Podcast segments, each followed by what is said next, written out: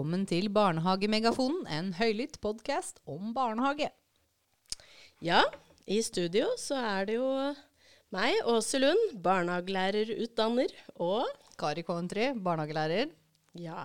Du, Kari. Eh, vi har jo hatt en sånn liten tradisjon mm -hmm. med godteri i studio, som vi har prøvd å tilpasse ja. Eh, tema for sendinga. Det, det er en greie, og det fortsetter å være en greie. Og i dag eh, skal jeg, skal allerede skal røpe det med en gang. Ja, altså. jeg, jeg, tror liksom vi må begynne med dagens godteri. Ja, vi trenger det, for ja, å si det sånn. For at vi ja, nå snitrer jeg fælt her. Livet er litt hardt, hardt i dag.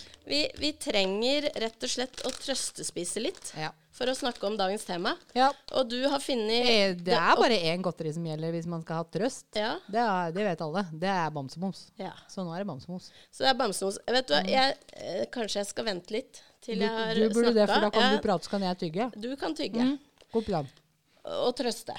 Mm -hmm. Og forhåpentligvis så får vi kanskje litt trøst i løpet av sendinga også. Det er det vi håper på. Ja. For i august eh, så kom jo denne klimarapporten som ble omtalt som kode rød for menneskeheten. Og hvis vi ikke gjør store endringer i måten vi lever på umiddelbart, så er vi på vei mot en ja, katastrofe. Livet på verden kommer ikke til å se ut som det gjør i dag. Det har vi fått høre.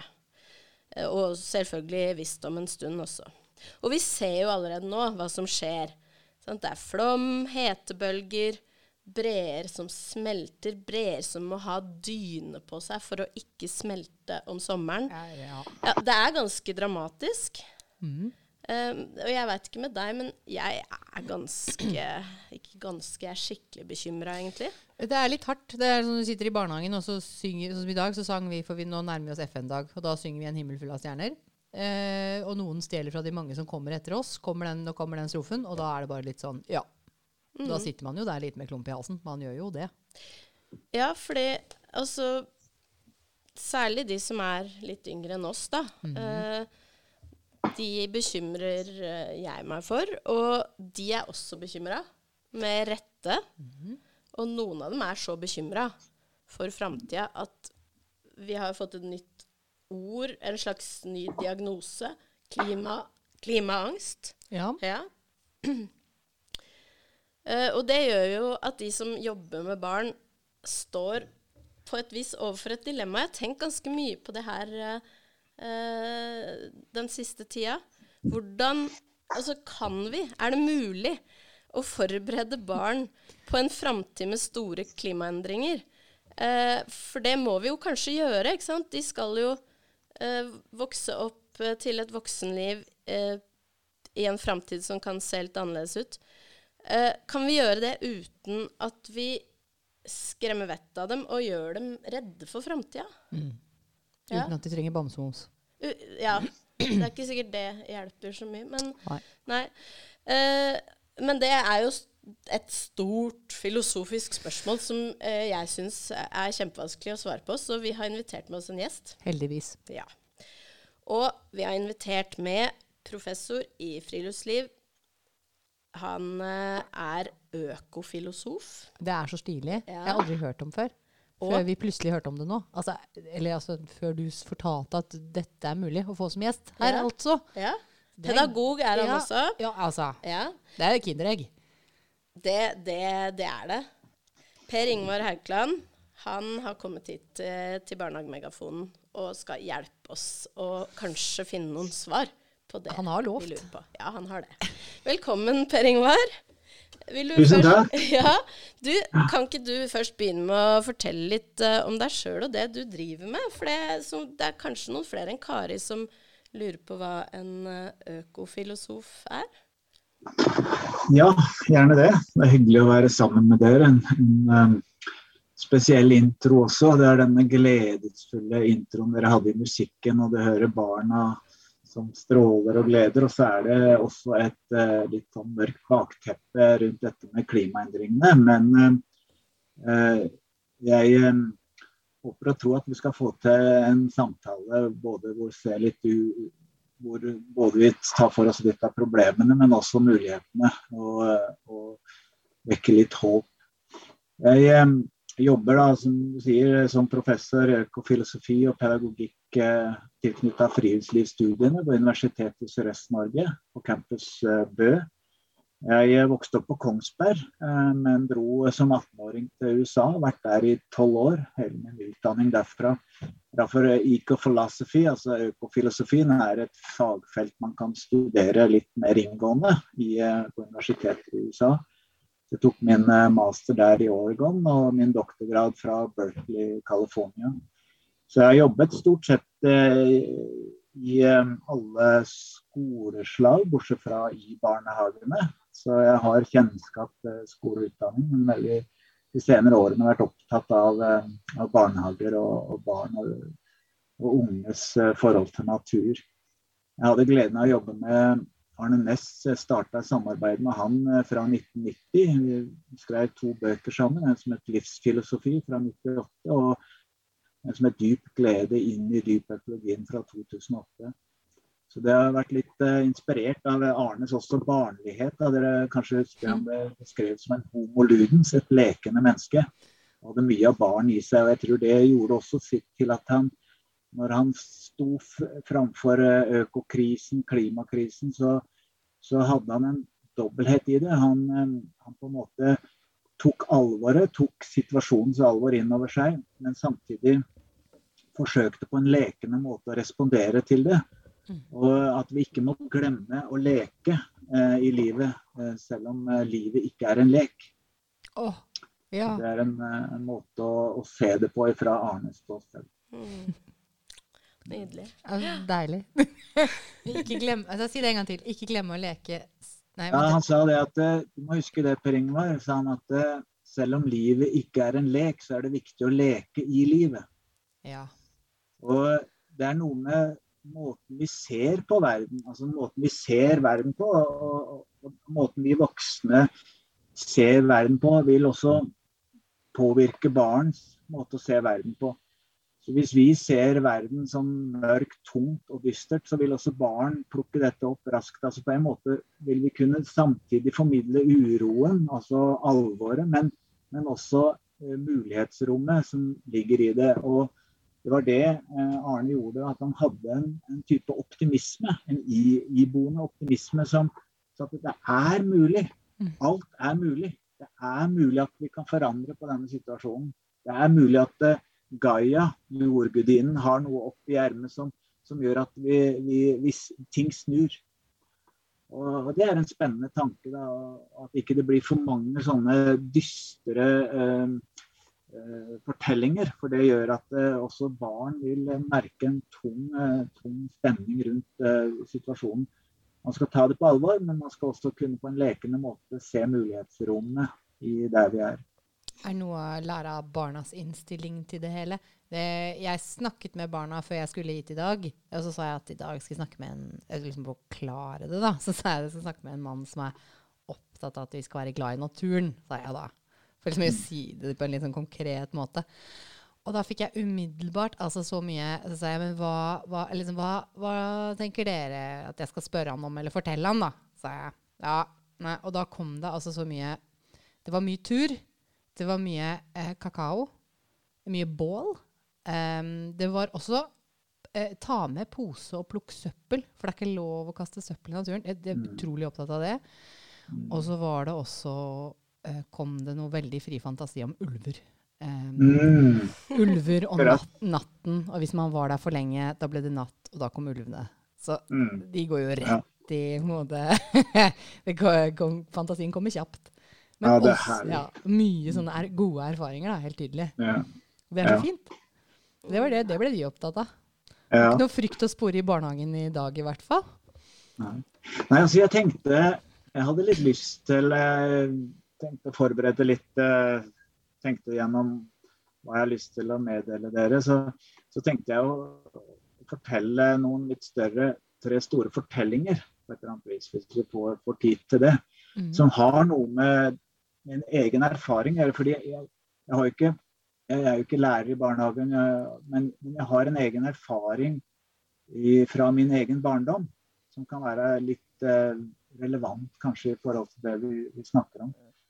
For i, i, men bare for å ta det først, da, den, den økofilosofien som du pekte på, hva, hva, er det for noe? Så er øko eh, Prefikset øko der det kommer fra det greske oikos, som betyr hjem. Det mm. handler om egentlig vårt hjem i livet. Mm. Og det det vil si å være hjemme i livet. Og jeg beskriver det gjerne i forhold til dette tre eh, sider. Det å være hjemme i natur, hjemme i kulturen og hjemme i oss selv. Så mm. disse tre natur, kultur og menneske, eller natur, kultur og selve, er, er disse tre sidene ved eh, hjemmefølelsen som man kan utvikle, som man ser også um, er um, en viktig del av filosofien. Å finne ut hvordan er det dette henger sammen. Og økokrisen kan vi beskrive som en livskrise. Mm. Altså, det er ikke bare en krise i forhold til uh, naturen. Som, klima er jo en del av det, men også altså forvitring av eh, naturmangfold osv. Det, er, det er mange elementer i denne eh, økokrisen på natursiden. Mm. Men det er også en kulturell krise. Fordi det er en krise i måten vi sammen forstår verden på, hvordan vi forholder oss til verden. Så på en måte hvordan vi tenker om naturen som noe der ute. Mm. Jeg har lagt merke til at Noen ganger så sier vi at naturen jo, den er der ute. Men hvor er vi mennesker da? Vi adskiller oss på en måte fra, fra naturen. Og På den måten så adskiller vi oss både fra problemet, men også fra løsningene. Så selve den adskillelsestenkningen ligger som en, en, sånn, en sånn, krise i vår kultur. For vi, vi, vi, klarer ikke helt å finne fram tilbake igjen til den samhørigheten med natur. Nei. Som barn har, og som jeg skal fortelle litt om. Og den tredje er at det er en eksistensiell krise for veldig mange mennesker. Det som du nevnte også dette med, med klimaangst. Altså Mange mennesker opplever uh, at situasjonen er ganske dyster. Og hva er rommet for mening eller innhold, rikdom, i et, en sånn tilværelse? Kan jeg glede meg over ting når det er så dystert osv.? Og, mm. og dette er en sånn eh, eksistensiell krise som mange har, men som jeg mener også det finnes rom for mening i en ny måte å se eh, oss mennesker i relasjon til naturen i vår kultur på. Så det var der et slags grunnlag for disse tre historiene. altså Jeg kan, kan begynne med det, hvis det er, er greit. Ja, veldig fint. Ja. Med det. Veldig fint Fordi historier. En av disse, Hvis vi tenker barnehagen da, som, som dette med hagemetaforet, så kan vi åpne med den første fortellingen som jeg vil kalle for den store samhørighet. Den store forening. Og vi kan se på menneskeslektens historie og tenke at det, en gang i tida så levde vi et nært samvær med alt levende. Vi var en del av dette allivets fellesskap, på lik linje med alt levende. Vi var også en del av den samhørigheten.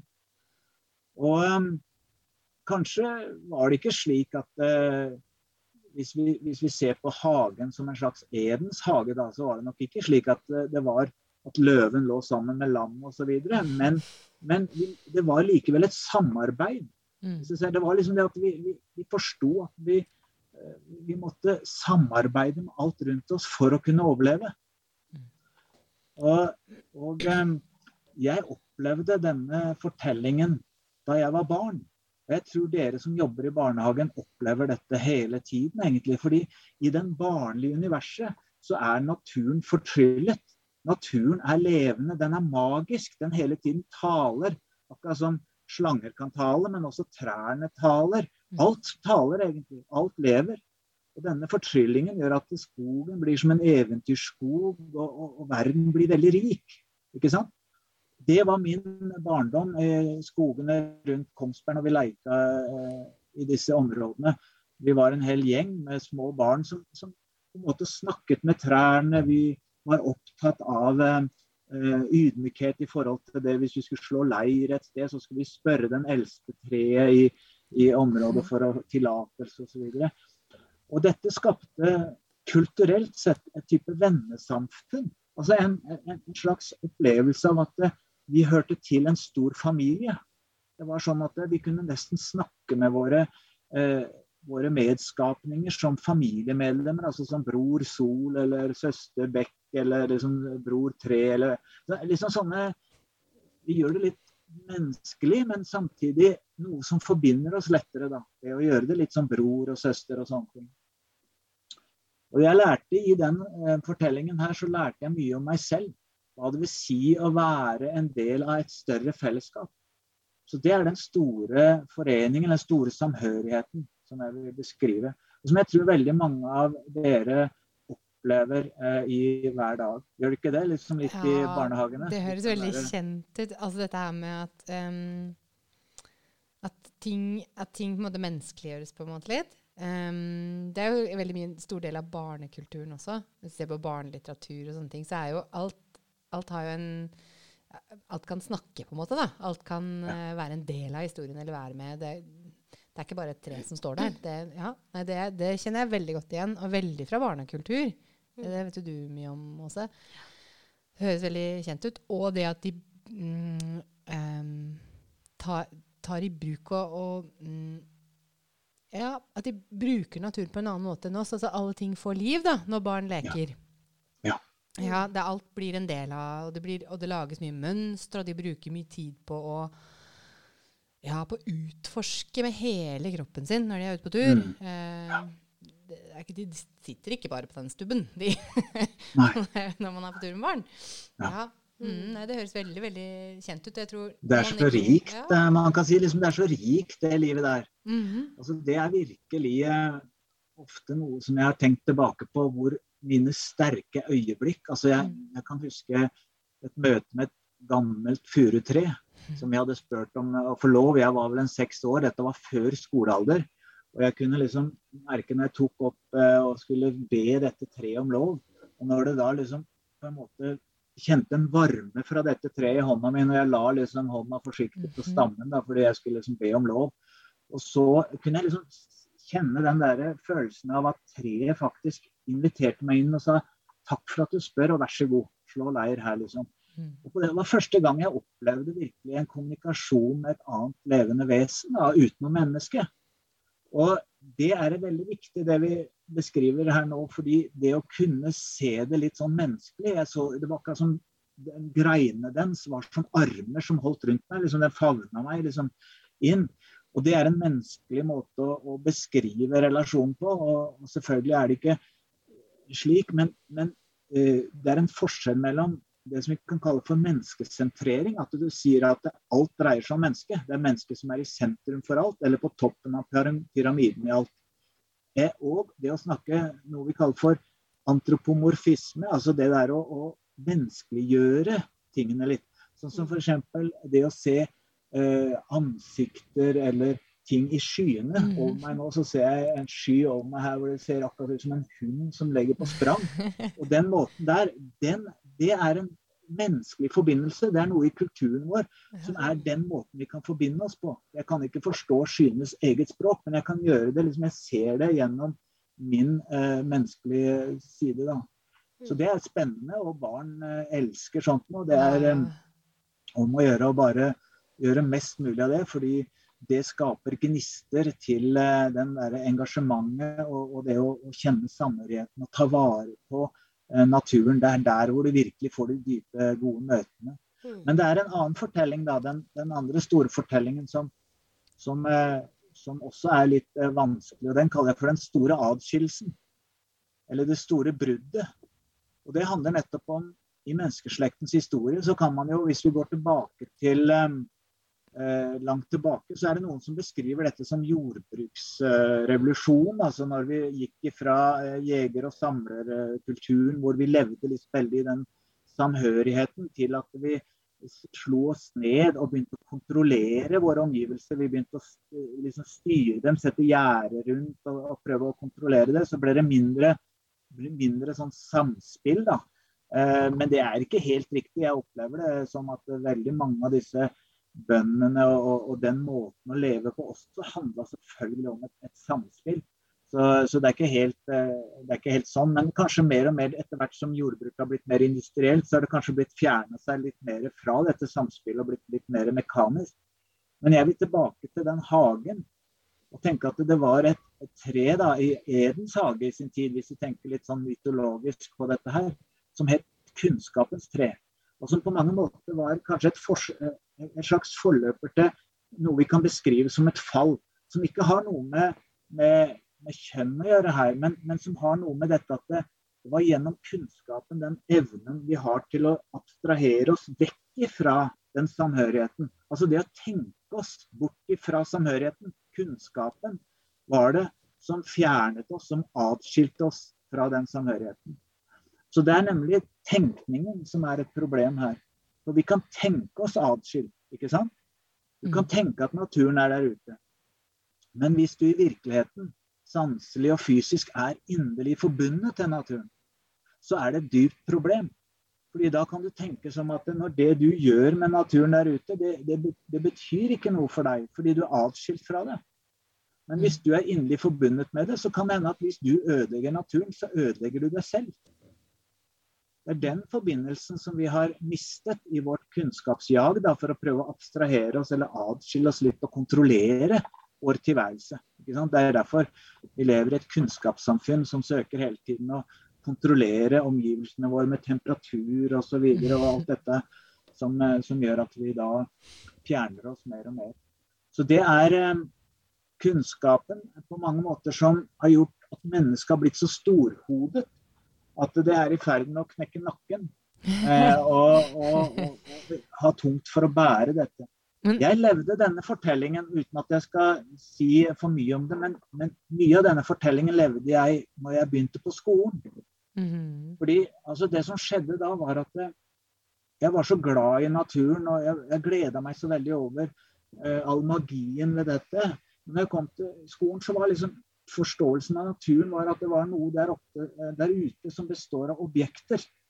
Og vi kan kategorisere disse objektene i ulike type klassifiseringer og arter, og vi gir dem navn. Så det heter en bjørketre, og det heter en blomst, liksom det heter eddik, altså noen forskjellige sånne navn. Mens for oss så var det ikke bare navn, det var levende liv. Det var sjel. Det var den treet, det var den furua. Det var ikke bare en furu hvilken som helst, det var liksom en, den eksakte furuen. Så, så, det tok liksom livet ut av naturen, på en måte, og alt levende. Og, og, og det endte opp med liksom klassifiseringer og noen begreper og noen, eh, noen ting. Nå er det Den naturvitenskapelige måten eh, er også veldig spennende. Det er mye interessant i naturvitenskapen på det. Men eh, det, det, som jeg følte ble tapt, var dette magien. Denne levende forbindelsen, hvis du skjønner, som jeg hadde som eh, førskolealder. Så i kulturen også så lærte jeg i eh, denne store adskillelsen at det handla egentlig mer om konkurranse og kampen for å overleve enn det handla om samspill, samarbeid og denne samhørigheten.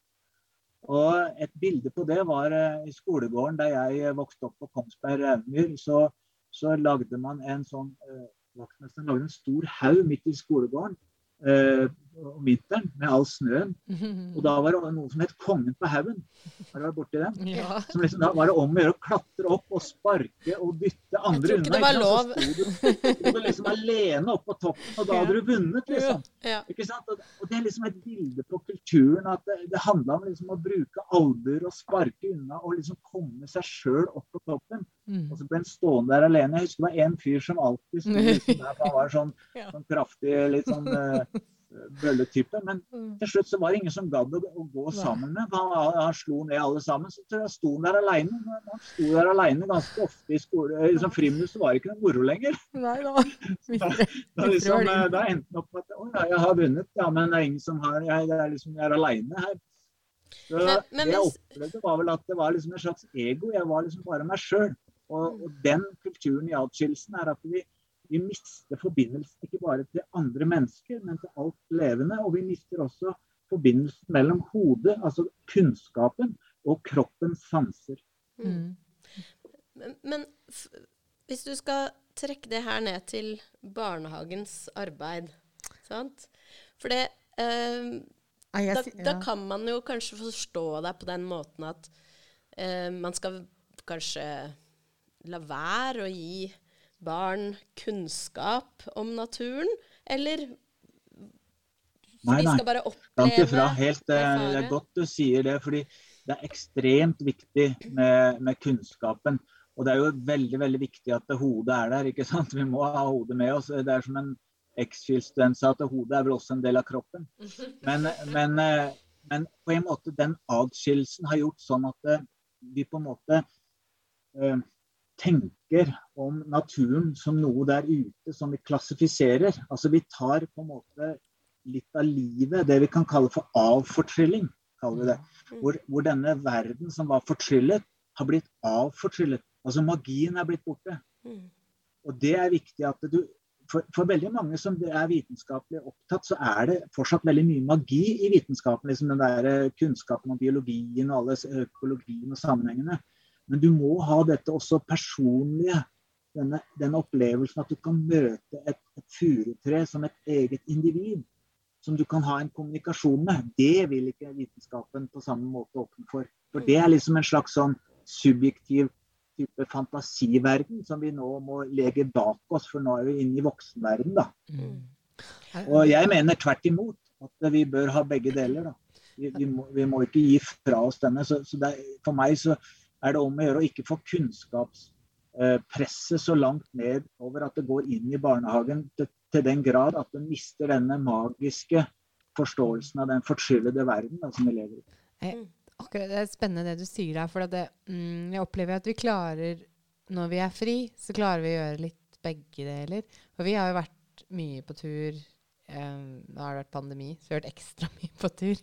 Um, og det der med at For veldig mange barn elsker det der med sånn arts vi har jo hatt med oss mye sånn plantebøker på tur. Elsker det. Spesielt å finne ut hvilke planter som er fryktelig giftige. Og sånn, liksom, de litt sånn skumle ja, plantene. Um, men samtidig, når vi er på tur, uh, så, så, er vi jo ikke bare der. Og så tenker jeg litt sånn Det høres ut for meg da, som at på en måte barn har dette. Og det, det opplever jeg at de har. Og så sier du at du på, måte, på et eller annet tidspunkt mister det litt, eller blir fratatt det. Denne magiske eksistensen i naturen. Altså den, mm. det derre værende, på en måte. Mm. Så hva i all verden hvem, hvem, er det som hvem er det som ødelegger dette, da? Hvor skjer Nei, det? Er, jo, er, det skolen? Ja, altså skolen har dessverre en, en, en god, god, del av um, er, en, en, del av utfordringen eller problemet. da. Fordi at skolen, Hvis vi atskiller elevene fra den sammenheng de står i, både samfunnsmessig, fordi dette handler også om å bryte ned disse firkanta klasseromsveggene, og så åpne opp og ta inn over oss eh, samfunnet, lokalsamfunnet vi lever i, stedene vi, vi, skolene er en del av, og, og naturen en del av det. Og se at, det, at det, uteområdene da, er likevel eh, kanskje bedre som klasserom mm. enn eh, inni disse firkanta områdene for å lære om biologien osv. Mm -hmm. så Så på en måte så, så, så, er jeg en sterk tilhenger av at i skolen også at vi, vi, er mer ute, slik som man er i barnehagene. Jeg tror det mye, meste kan du nesten lære i relasjon til samfunnet eller uh, i natur, uh, som, som, mye av det som skolene gjør. Og det gjøres. Det er mye interessant. For det er en tredje fortelling som er liksom den jeg kaller for den store gjenforening det er det at det skjer veldig mye nå rundt omkring i samfunnet som forsøker nettopp å bringe den forbindelsen med mennesket, kulturen, eh, mennesket og naturen i vår kultur. Og Det er en gjenfortrylling av naturen, hvor man igjen bringer magien tilbake igjen. Og, og, jeg tror også det handler om at vi ser i kulturen vår en, både en kritisk forståelse av denne adskillelsen. Og dermed så søker vi eh, med kunst og med, med musikk og med, med litteratur og i, i, i mange henseender kanskje den som henger etter her, er akademia, faktisk. Altså der er De akademiske kretsene de kan henge litt etter, men det, det kommer så smått der òg. En åpenhet for den mer enn menneskelige verden. Mm. Så det at Vi må forstå at vi ikke lever bare i en menneskeskapt verden, eller menneskelig eh, liksom øy i denne større verden. Men vi er hele tiden i samspill med det mer enn menneskelige. Altså, Vi kan ikke være et menneske uten i kontakt med det mer enn menneskelige. Mm. Sånn at det på en måte så er det igjen nå at mennesket oppdager denne forbindelsen. Og de blir nysgjerrig på hvordan insekter har det, hvordan flaggermusene har det, altså hvordan, hvordan fiskene har det. De blir mer nysgjerrig på liv. Det er, liksom sånn, det er mange som er litt lei at alt skal bare dreie seg om mennesket. Nå ønsker vi å lære litt mer om hva som skjer her ute. Mm. Og det hjelper oss samtidig å forbinde oss til vår egen hva skal vi si um, del av denne livsveven, da, eller del av dette allevende samfunn. Så jeg pleier å si det sånn at uh, i mitt nabolag hjemme hos der jeg bor, så er det kanskje den kjøttfeisfamilien som jeg har mest å gjøre med. Det er den kjøttmeisfamilien. Jeg, vi pleier å gå turer sammen. Det er veldig interessant. Jeg går med hundene våre, så, så følger denne kjøttmeisfamilien oss rundt på tur. Kan gå i flere hundre meter, og de følger etter. Jeg mater dem gjennom hele vinteren, og har, jeg kjenner hvert eneste individ der. Og, og, og, de møtes og de kommer på døra og lurer på åssen det går og sånne ting. Vi har så mye levende kontakt med disse her. Og vi har også en, en grevling oppe hos eh, oss nå som jeg har vært i siste tida, som jeg har hatt mye moro med å ha masse å fortelle, mye å si. Og hundene våre har virkelig glede av å, å lære det, å bli kjent med, med, med, disse. De er to valper, da, eller nå begynner de å gå mot ett år. Og de er sånne som elsker å bare utforske. Og det er klart, Det å prøve å gå inn i deres verden og se verden litt fra deres ståsted, det er liksom dette som Arne Næss var så opptatt av. Vi mennesker har den evnen til å kunne sette oss litt inn i hvordan, en, hvordan livet ses ut fra en hunds ståsted, eller hvordan ses det ut fra, fra et tre, og, og, prøve å identifisere oss litt med hvordan, eh, hvordan andre har det. da. Mm. Og, og, det beriker eh, mitt liv, og det beriker eh, mitt nabolag, og det beriker eh, kan du si, det jeg opplever som nødvendig i vårt samfunn, nemlig utvide eh, forståelsen av samfunn. Hva det vil si å leve i et samfunn. Det er ikke bare et menneskelig samfunn, det er et allmenneskelig. Altså det er, det er et, all, et mer enn menneskelig og et menneskelig og et mer enn menneskelig samfunn. Mm. Og slik har det alltid vært, egentlig. Det er bare at vi har tenkt Vi har, vi har liksom isolert oss totalt. Mm. For, på, på, en måte vært fullstendig Vi har liksom vært i en tro på det at vi, vi liksom her lever dette på, på egen hånd. Men, men, men, de fleste av oss gjør det. De liksom bare lever i det menneskelige hele veien. Det er umulig for oss å eksistere uten kontakt med det mer menneskelige. Hvis man ikke tenker sånn, så kan man jo holde pusten og se hvor lenge man klarer seg uten. men, men um, tilbake til det spørsmålet som vi innleda med, da. Ja. Um, hvordan ser du dette i lys av uh, det å gjøre barn i stand til å møte de klimaendringene vi står overfor? Og hvordan vi skal møte barn i det spørsmålet ute i barnehagen, kanskje mm.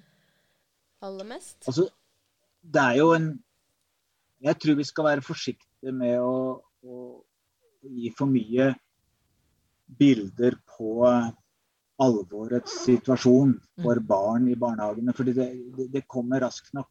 Mm. Det viktigste tror jeg er det dere allerede gjør, mange av dere. Det er nettopp å skape disse forbindelsene til Eh, sine med, eh, med, barn, altså de andre barna som er der, og med de voksne og med naturen. Det mer, mer enn menneskelige. For det er, det, er det, som, det er, det som, gir grunnlaget for at de får troen på livet. De får troen på ting, de får engasjementet. De, de blir kjent med seg selv i denne sammenhengen. Det er det viktigste man kan gjøre. Jeg pleier å si det sånn at dere som jobber i barnehage og med barnehage, gjør den viktigste jobben i hele samfunnet egentlig. For det her er mye av liksom, grunnlaget legges for hva er det vi går inn i. Men jeg har, jeg har tro på det at det, det er én ting som kan være viktig. Noen snakker om bærekraft og bærekraftig bærekraft i samfunn. Og jeg snakker mer om livskraft. Og jeg tror det at hvis vi fokuserer mer på livskraften, så vil det være en, en, en viktig oppgave. Og jeg, jeg, jeg, tenker om livskraften som tre sider.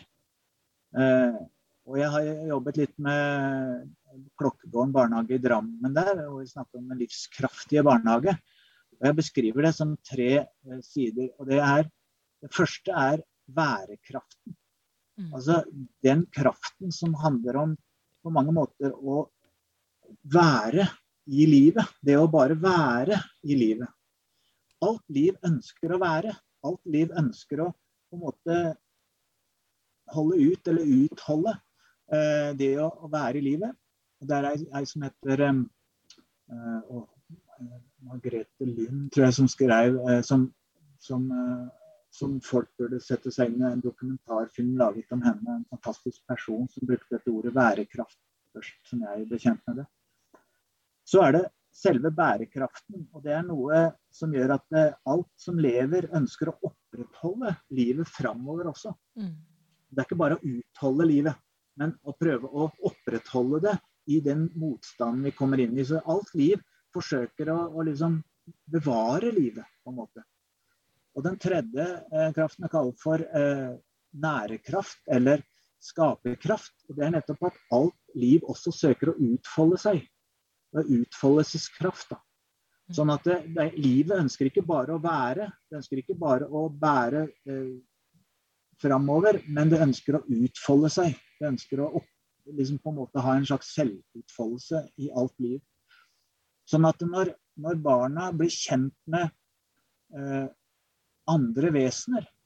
F.eks. En, eh, en flue som, som, som, stanger imot vinduet inne i, rommet. Inne.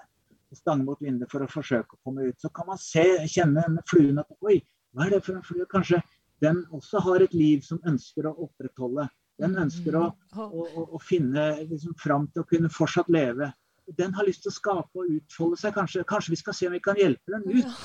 Og da plutselig tar man tak i den sånn, sånn, hjelp, og det har jeg gjort med barn. Og de blir så ivrige på det. Jeg syns det er fantastisk. Ja, la oss ta den ut. Og så plutselig har de skapt en forbindelse. Da har de en, en i nesten forbindelse til denne fluen. Og slik sett vil de aldri se på en flue på samme måte. Og dette er så kjent, Per Ingvar, for dette skjer jo hele tiden. Det er ikke sant? Det, ja. vi, og, og, når du kommer inn på insekter nå, så er det, sånn, det er den derre Tenk om han har en familie som ja, venter på han der ute. Og vi har jo så mange historier om sånne ting. Og ja, det er fantastisk. Ja, dette, det, er, mm. det, er, de tingene da som vi skal være opptatt av.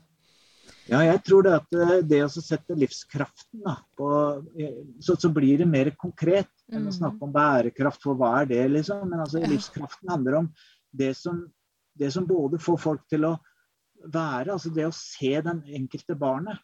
For å mm. se hvem de er. Og samtidig se hva de kan utfolde seg til, og hvordan de mm. kan blomstre. Det er nettopp det å skape, tilrettelegge for situasjoner hvor, hvor ikke de bare blir kjent med hvordan alt som lever, forsøker å være seg selv. Alt som lever, forsøker å skape og utfolde seg selv og blomstre. Bli liksom den beste utgaven av seg selv på et vis. Mm. Og, og, det forsøker vi også. Så det å, å, å på en måte ta livskraften på alvor tror jeg er å, å hjelpe dem forbinde seg til, til, dette magiske som vi kan kalle livet. Mm. Ta det på alvor i alle, hos alle så, og ja. alt. Så Det ville vært uh, flott hvis vi kunne fått uh, livskraftige barnehager overalt. Liksom der hvor med fokus på, på, både det menneskelige, altså barna, og, og, og, forholdet mellom barn og de voksne. Mm. For å liksom se at man, her er det livskraft, her er det skaperkraft, her er det eh, liv og, og lyst og, og, glede. ikke sant? Og det, de, de, kreftene er med på å få folk til å blomstre. Mm. Det er det at eh, Hvordan skal vi få barna til å blomstre som den de er? For hver eneste vesen, hvert eneste tre, hver eneste flue er forskjellig. De er helt unike.